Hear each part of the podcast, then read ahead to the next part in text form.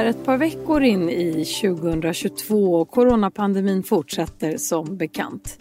Det här nygamla läget väcker funderingar hos många av Dagens Nyheters läsare som till exempel kan man testa positivt, vara symptomfri och ändå smittsam? Och vilka tester rekommenderas? Eller kommer alla att få omikron förr eller senare? I dagens Studio DN så svarar vi på läsarfrågor om smittspridningen. Välkommen! Jag heter Ylke Holago.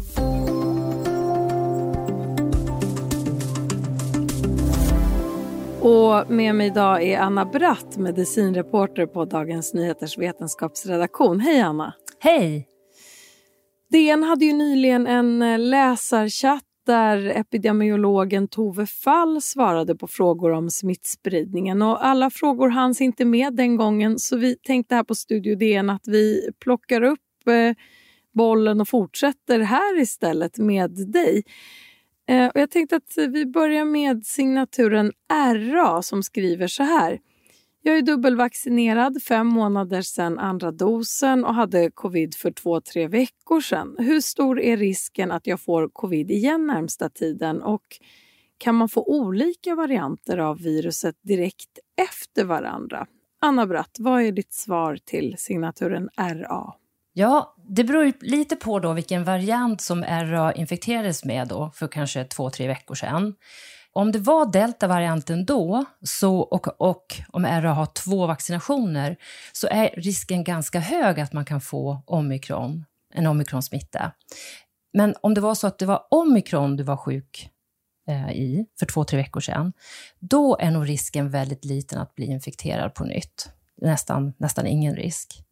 Och det, det spelar alltså ingen roll att det var bara två, tre veckor sedan? Nej. Senaste sjukdomen? Det, kan, det finns en, om du har, har två sprutor då bara och inte en tredje, då, är risken, då finns den risken att du kan få omikron, ja. Okej, vi går vidare till eh, signaturen Paula. Om jag har förstått det rätt så är man bättre skyddad mot omikronvarianten av tre doser vaccin än två. Varför? Ja, med två sprutor så har du sannolikt ett visst skydd mot eh, svår sjukdom och död. Eh, men den, vad den tredje sprutan, påfyllnadssprutan, vad den gör, den är, gör ju att antikroppsnivån höjs rejält. Och därför så får ett mycket bättre skydd med den tredje sprutan, även mot smitta, tror man. Alltså man, det, det, här är omikron är ju ganska, en ganska ny infektion, och därför, eller nytt, en ny virusvariant, och därför så, så är det mycket vi inte vet. Men helt klart är det så att antikroppsnivån går upp rejält med den tredje sprutan ytan. Eh, så därför bör man ta den, eh, för då eh, får man ett längre och så att säga liksom, ett kraftigare skydd helt enkelt.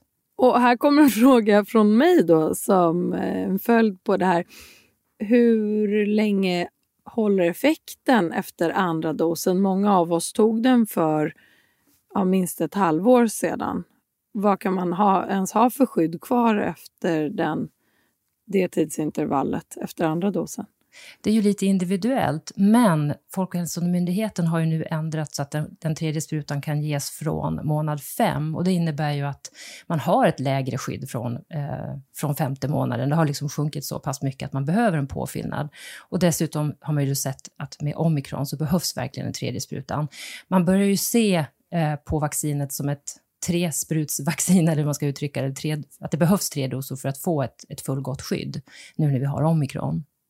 Och hur länge håller det sen efter tredje dosen? Det får vi se. Men eh, det är ju ingen som kan svara på idag. Men åtminstone så bör man väl ha ett skydd framåt ja, nästa, alltså vintersäsongen då, bör man väl ha ett skydd. Men sen får vi se då om det behövs en fjärde dos. Det vet vi ju inte. Vi får se vad som händer med pandemin. Vi går vidare till signaturen Maja. Hon är också inne på det här med vaccin och tredje dosen och skriver så här.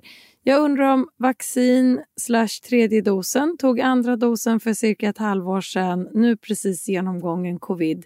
Är det nödvändigt att ta tredje dosen i närtid? Hur länge ska jag vänta? Och jag tror att vi har varit inne på svaret där, men um, om du vill säga någonting sammanfattningsvis, Anna? Ja, man rekommenderas att ta den tredje sprutan även om man har haft en genomgången infektion. Eh, man ska väl vänta Ehm, jag har letat lite efter rekommendationer där på Folkhälsomyndighetens hemsida. Det är lite svårt att se vad de säger, men man kanske ska vänta ett par veckor eller en månad eller något efter infektionen. Men helt klart behöver man även den. Och varför ska man vänta? Vet du det? Det är väl för att man ska vara fullt frisk, eh, eh helt enkelt, när man tar en, en spruta. Och man, så att därför har jag sett eh, någon rekommendation två veckor, en månad efter, kanske närmare en månad. Men jag tycker att man ska kolla det här innan man, när man bokar tid. Man kan ju ringa till Vårdguiden till exempel och fråga 1177 vad det är som gäller. För de här rekommendationerna ändras ju också lite fram och tillbaka. Så jag tycker det, det kan vara bra att ringa och kolla. Signaturen Magnus undrar, när kan corona börja klassas som en vanlig influensa och hanteras därefter? Det finns ju många andra åkommor som dödar långt fler än covid men som inte klassas som pandemi. Det där är en jätteintressant fråga och det här får, det ju, får vi ju vänta och se lite vad som händer med pandemin. Men åtminstone finns det ju redan nu forskare som säger att vi nu kanske man inte ska eh, beteckna corona eller covid-19 då som en samhällsfarlig eh, smitta längre eftersom det här, det kanske är dags att snart börja behandla den som en vanlig infektion. Eftersom, vi nu, eftersom så många är vaccinerade och att man inte längre, om man är vaccinerad så dör man inte och lika, lika lätt som tidigare om man säger så i sjukdomen. Då. Och därför så kanske man ska se det som en, en infektion bland, bland andra. Så att eh, vi får väl se lite när det blir, men det kommer ju hända framöver om inte allt för lång tid. Men hur, hur ser enigheten ut i den frågan bland experterna just nu här i mitten av januari när vi spelar in det här? Är det, vad, vad lutar det åt? Ja, det, det, är ju så att det kommer, kommer ju att, att behandlas som säsongsinfluensan. Och jag skulle tro att många tror att det kommer att ske inom ett år. Det tror, jag, det tror jag nog att de flesta håller med om. Men det kan komma nya varianter som förändrar Ställer läget. allt på ända? Ja. Vi går vidare till signaturen Björn. Kommer världen att få flockimmunitet efter omikron eller kommer nya mutationer därefter? Ja, alltså på världsnivå är det lite svårt att säga när flockimmunitet kommer att uppnå, eh, uppnås eftersom det är så ojämn vaccinering eh, runt om i världen. Men på sikt, på lång, lång sikt så kommer det väl att gå åt det hållet, att det kommer bli mer som en vanlig säsongsinfektion. Eh, Men det kommer väl att dröja helt enkelt. Och det här med nya mutationer, eh, kommer det komma fler mutationer? Vad eh, visar tidigare lärdomar? Mutationer, ja vi har, ju, vi har ju sett redan att omikron kom efter delta, så risken finns ju givetvis att, att ytterligare någon variant sprids då över hela världen och anses att, att bli liksom farlig. Redan nu så, man har ju en lista över, över varianter som man följer för att se om de kan utvecklas. Så det är ju precis som vi sa i tidigare frågan, att vi får helt enkelt vänta och se. Nya varianter kan dyka upp som som helt enkelt ställer allt på ända. Men vi får hoppas att det här blir liksom, det här, att nu klingar av. Vi får hoppas det. Karin undrar, smittar man om man är positiv men helt utan symptom? Ja, är det korta svaret på det. Om du är utan symptom så smittar du antagligen lite mindre än om du, har väldigt, om du är väldigt sjuk. För är du är du rejält sjuk, då har du en större virusmängd i kroppen. Och det här handlar ju om de första, de första dagarna då framför allt. Man är smittsam eh, inom ja, ungefär sju dagar, säger man ju att man är smittsam. Så ja, man smittar. Eh, oavsett om man har symptom. Men som sagt, något mindre kanske. Men man ska betrakta sig själv som smittsam och eh, ja, bete sig därefter. Vi ska alldeles strax prata lite mer om tester. Det har kommit lyssna frågor kring det. Men just nu så ska vi ta en kort paus och sen fortsätta med DN-läsarnas frågor om smittspridningen.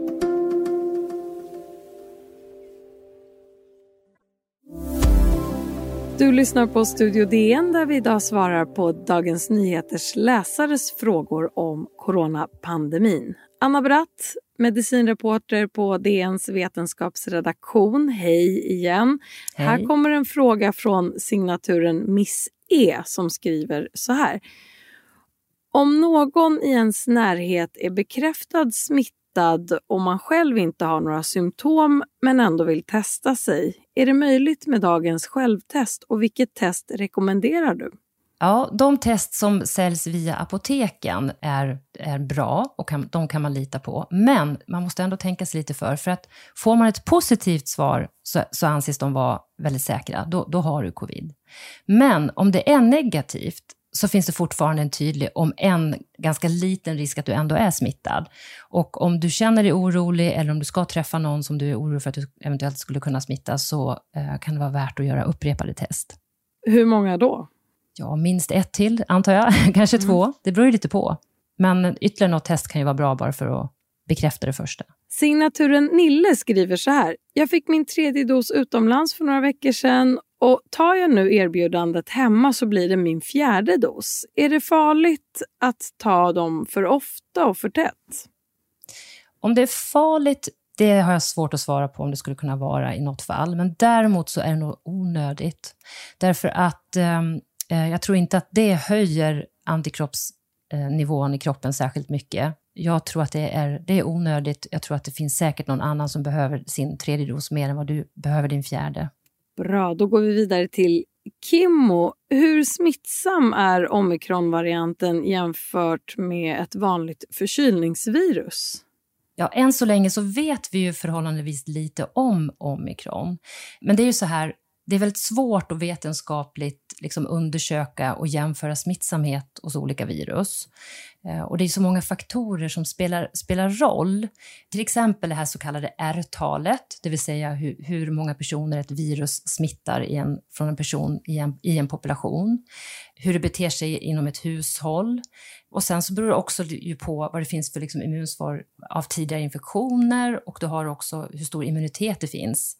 Och sen så ser man ju också att eh, något som talar för att eh, viruset omikron är mycket mer smittsamt än ett förkylningsvirus, det är ju att, ett, att omikron kan ju orsaka så kallade superspridarevent.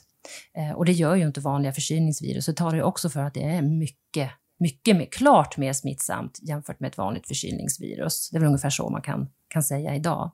Vi går vidare till Mattias som undrar, kan det finnas fördelar på lång sikt att även vaccinerade smittas? Vaccinet skyddar mot svår sjukdom och genomgången infektion ger en bättre immunitet? Frågetecken, utropstecken. Ja, alltså på sätt och vis kan man ju säga då att, att det är ju ingen nackdel om en vaccinerad person möjligen smittas eftersom en vaccinerad person då för det första blir ju inte så svårt sjuk och vi vet att en genomgång infektion ger ett, väldigt, ger ett bra skydd mot eh, ytterligare infektion. Um, så på det sättet kan man ju säga att det finns fördelar eh, med att bli smittad, men det är ju kanske inget man eh, ska eftersträva, men händer det så, så är det troligen inte, inte negativt. Men vad skulle vara det så att säga positiva inom citattecken? Är det att eh, immunförsvaret stärks eller? Ja, du, får så, du får ju en väldigt hög halt av antikroppar, T-celler och liknande. Allt, eh, allt påverkas ju då, så du får ett, du får ett bredare, djupare och liksom längre skydd helt enkelt om du har både vaccin och genomgången infektion. Och vilka är riskerna med att eh, ändå bli sjuk trots eh, vaccination? Det är klart att det alltid finns risker med att få den här smittan, för att det är ju ett litet lotteri. Eh, immunsvaret är ju individuellt och man vet ju aldrig riktigt. Man talar mer om vad som är sannolikt. Så det finns ju risker och eh, det finns ju också risk för att få en riktig genombrottsinfektion. Då kan du ju möjligen också ha en ökad risk eh, för att få långdragna besvär. Så det finns ju naturligtvis risker, så därför så ska man inte eftersträva att bli sjuk. Att försöka att ha liksom covid-kalas och sånt, det är nog ingen bra idé. Vi går vidare till Ann-Sofie. Hur ser riskerna ut att drabbas av post-covid från omikron? Och så har vi Karin som undrar hur är det med effekter av långtidscovid på vaccinerade? Så två mm. frågor som handlar om post-covid, långtidscovid. Ja, precis. Vi var ju lite inne på det nyss då och det här är lite mm. intressant då, för att det är ju så här att eh, definitionen på post-covid, eller långtidscovid som, som många säger, det är ju att man ska ha haft besvär under minst tre, under tre, efter tre månader. Och eftersom omikron är så pass eh, en ny variant så har vi väldigt lite data.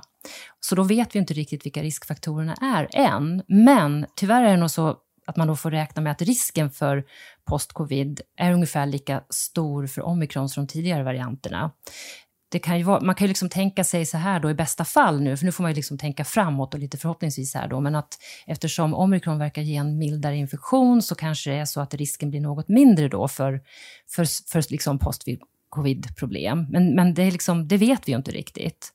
Men det är ju, det är ju rimligt att, att tänka sig att risken för post-covid med omikron kommer ju vara mindre hos vaccinerade eh, med en så kallad genombrottsinfektion då, än hos de ovaccinerade. Så att eh, ovaccinerade har ju natur, är det ju rimligt att tro att de har större risk att få postcovid. Så är det ju. Akro skriver så här. Jag är dubbelvaccinerad och i senare delen av min graviditet. Väljer att i princip inte träffa någon inomhus. Men hur ska jag tänka utomhus? Promenad med vänner? Grilla? Vad säger du, Anna? Ja, för det första så tycker jag, eh, jag blir så glad att höra att eh, är dubbelvaccinerad när hon är gravid. Därför att om en gravid kvinna blir eh, covidsjuk så ökar risken för komplikationer både hos henne och hos eh, foster och senare även hos barn. Så, så jättebra att höra att du är vaccinerad. Och sen att du är försiktig trots att du är vaccinerad, det, det har jag all förståelse för. Och eh, om du är utomhus så tycker jag att eh, promenad med vänner och eh, liksom iaktta den här vanliga försiktigheten med att hålla två meters avstånd och så kan väl vara bra. Eh, grilla utomhus, visst, absolut. Det är väl att hålla lite avstånd och vara försiktig. Men du kan nog känna dig ganska trygg när du är dubbelvaccinerad. Och inomhus, det är bättre att hoppa över? Träffar du eh, människor inomhus så om du är vaccinerad så ska, ska du liksom bara kunna eh, vara i begränsat liksom, sammanhang då kanske och att komma ihåg det här med att hålla hålla avstånd och tänka på handhygien och sådana saker. Men eh, vi närmar oss ju piken här, tror de flesta då, med omikron, så det kanske bara är några få veckor till och sen kanske man kan känna sig lite mindre orolig. Och då kanske det är värt att hoppa över och träffa eh, människor som man, inte, som man inte bor med helt enkelt. Och detta säger vi alltså vid inspelningstillfället av den här podden 18 januari. Vi går vidare till signaturen Tova. Hon skriver så här. Min väninna har valt att inte vaccinera sig. Hon hävdar att covid bara är farligt för de som är gamla, har en underliggande sjukdom eller är överviktiga. Tillhör man ingen riskgrupp finns inte heller någon risk att bli allvarligt sjuk eller avlida. Stämmer detta? Nej, det kan man nog inte säga. Utan eh, Man kan ju titta på siffrorna från Svenska intensivvårdsregistret. Det visar ju då vilka som har blivit eh, allvarligt sjuka eh, eller till och med dött. Där kan man då hämta argument som kan visa eh, väninnan att, att det här inte stämmer. För då ser vi att under de fyra senaste veckorna då så var antalet intensivvårdare per 100 000 invånare 11 gånger högre bland ovaccinerade än bland vaccinerade. Alltså 11 gånger högre risk för de ovaccinerade att behöva intensivvård. Och medelåldern, hon pratar om äldre, man tittar på de intensivvårdade patienterna idag, eh, som, som alltså har vårdats under den senaste månaden, så var den 53 år bland ovaccinerade och 63 bland vaccinerade. Så det visar ju att ovaccinerade är betydligt mer utsatta. Så nej, hon, hon har nog tyvärr fel eh, på det sättet hon resonerar. Okej, då går vi vidare till eh, Matilda. Kommer mer eller mindre alla i Sverige som rör sig i samhället att få omikronviruset förr eller senare? Ja, om omikron och pandemin nu går över i en endemi och sen blir det epidemier och sen på lång sikt så blir det en, en vanlig en säsongsinfektion eh, eh, så kan man nog räkna med att de flesta kommer att få den varianten i någon grad. Eh, den kommer väl att kanske utvecklas och bli mindre, mindre farlig över tid helt enkelt. Så ja, vi kommer nog alla, troligen till slut, att smittas. Eller nästan alla i alla fall. Och Vi ska avsluta med en eh, relaterad fråga som jag tror är väldigt aktuell för många just nu. Martin undrar, när får vi i bästa fall vaccin som är anpassat för omikron? Ja, läkemedelsindustrin har eh, sagt att de behöver, från det att man lägger in en, så, så, att säga, en beställning på ett vaccin mot omikron, så tar det ungefär tre månader att få fram det. Men vad man väntar på är fortfarande att få veta mer om omikron innan man så att säga trycker på knappen. Så det handlar om några få månader. Så att eh, tidigast under kanske april, om man nu skulle bestämma sig idag för att och, och vilja ha ett vaccin. Under våren i alla fall kan vi, skulle vi nog kunna få ett vaccin om om det behövs ett speciellt vaccin mot omikron som är anpassat. Det får bli sista svaret för den här gången. Tack så mycket Anna Bratt, medicinreporter på Dagens Nyheters vetenskapsredaktion. Tack. Om du vill kontakta oss så går det bra att mejla till studiodn dn.se och kom ihåg att prenumerera på Studio DN där du lyssnar på poddar så missar du inga avsnitt. Studio DN görs för Podplay av producent Sabina Marmulakai. Ljudtekniker Patrik Misenberger, teknik Oliver Bergman på Bauer Media och jag heter Ylke Holago.